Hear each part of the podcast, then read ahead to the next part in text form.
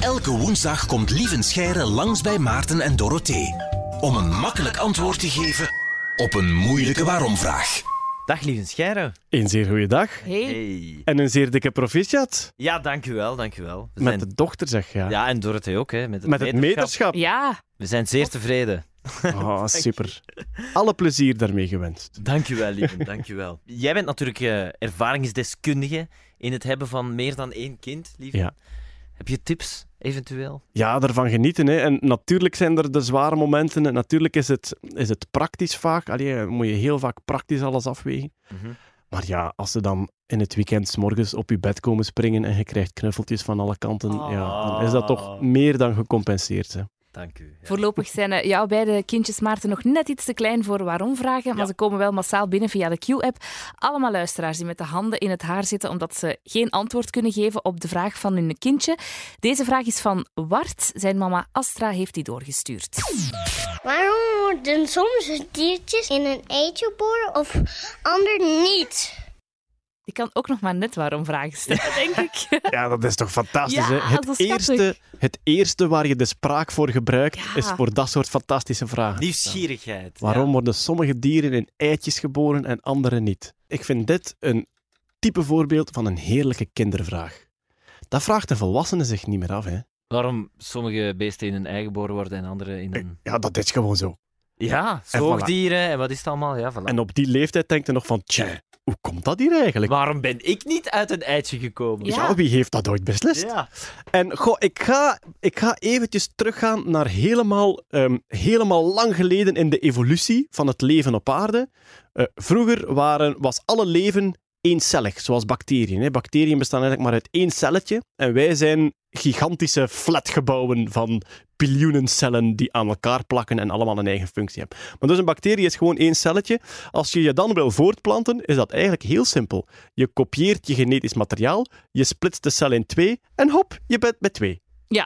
Natuurlijk, daarna is het meercellig leven gekomen. Dus dan had je ja, dieren die uit meerdere cellen bestonden.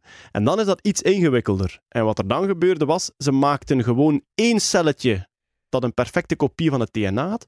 En dan lieten ze los, één celletje, los in het water. Want dat is wel de essentie. Het leven zat toen allemaal in het water. Ja. En ze lieten gewoon dat één celletje los in het water en dat kon zich daar verder delen en dat werd iets nieuws. En toen werd het nog wat ingewikkelder en had je een beetje visachtigen. En die maakten een eitje in hun lichaam. En omdat die in het water zaten, was dat heel gemakkelijk. Je kon dat eitje eigenlijk gewoon loslaten en dat kon zijn ding doen in het water. Ja. Maar de belangrijkste verandering kwam er toen de reptielen dachten, hela, of ja, de, de soorten voor de reptielen, die opeens dachten van, zeg, als we nu eens op het land gaan wonen, zou dat niet tof zijn? En dan heb je een beetje een probleem, want als je dan dat propje cellen loslaat op het land, Ja. dan droogt dat uit en is dat stuk. En dus de geniale uitvinding van de reptielen is de eierschaal. Die hebben eigenlijk, laat ons zeggen, laat het ons poëtisch uitdrukken als een, een, een pakketje zee op aarde. Ah, Ja, ja, ja. Leggen die dan neer ja. en daarin ontwikkelt zich dan het leven. En dan is er eigenlijk iets gek gebeurd. Op een bepaald moment waren er van die dieren, want vroeger, vroeger legden al de dieren eieren. En op een bepaald moment is één van die diersoorten dan verder geëvolueerd naar een soort waarbij dat ei uitkwam in het lichaam van de moeder. En dat waren dus de aller, allereerste zoogdieren. En die zijn ontstaan kort nadat de dinosaurussen verdwenen zijn. Sommigen zeggen dat ze ontstaan zijn vlak voor de dinosaurussen verdwenen zijn, maar dat ze plotseling succesrijk geworden zijn, omdat ze, toen de dino's weg waren, hadden ze plots alle plek voor zich alleen. En zo zijn de zoogdieren dan eh, succesvol geworden. Maar dus, dat is de reden waarom sommige dieren eitjes leggen en sommige niet. Vroeger legden ze allemaal eieren. En ehm, op een bepaald moment, en dan spreek ik over 60, 70 miljoen jaar geleden, is er één diersoort die een nieuw trucje gevonden had. Het eitje komt uit in het lichaam. En vooral de moederkoek is daar essentieel in. Want dat is een manier om, terwijl de embryo ontwikkelt in het lichaam, dat hij toch al uitwisseling heeft van zuurstof en van voedingsstoffen. En wat ik een verrassend weetje vind van de moederkoek is, dat is een deel van het kind en niet van de moeder. Is dat? Ja, Oei. Ah, dat de- wist ik niet. de moederkoek is een deel van het kind. Dus je, je begint met een bevruchte eicel. Dat is één celletje groot. Dat splitst zich allemaal tot dat echt een propje van cellen is. En op dat moment, dat propje van cellen splitst zich in twee. Eén kant wordt het kindje.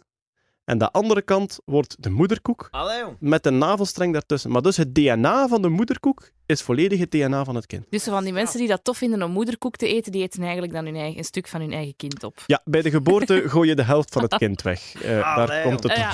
Allee, jong. Crazy. Ja. Oké. Ja, ik, ja ik, ben, ik ben het even aan het processen allemaal. Hè. Ik kom zelf natuurlijk net uit zo'n gelijkaardige situatie. Maar Ja. Dankjewel, lieve Scher, om dat allemaal mee te geven. En wel, en eh, misschien nog toevoegen, er zijn nog twee zoogdieren die nog steeds eitjes leggen. Hè. En dat is het vogelbekdier in Australië en de mierenegel. zijn de enige twee zoogdieren die wel nog een ei leggen. Oké. En die komen dus van die... Eigenlijk stammen die af van die hele oude... Half zoogdier, half reptielen zou je kunnen zeggen. eh, van 60, 70 miljoen jaar geleden. En zij hebben dat niet afgeleerd. Oké. Wat een magische plek toch, de aarde. Dat is absoluut waar. Ja. Begin er al helemaal Ja, van te Hij filosoferen. zit nog helemaal op zijn eh, Ja. roze filosofische wolk van het eh, nieuwe Het vaderschap. wonder van het leven. Ja, de aarde, prachtige plek toch om te leven. Tot Dank- volgende week. Hè. Yo. Joop. Ook een leuke waarom-vraag gehoord waar je zelf het antwoord niet op kent? Stuur ze zeker door via de Q-app met de hashtag waarom daarom. En dan beantwoordt Lieven Scheire jouw vraag misschien volgende woensdag al.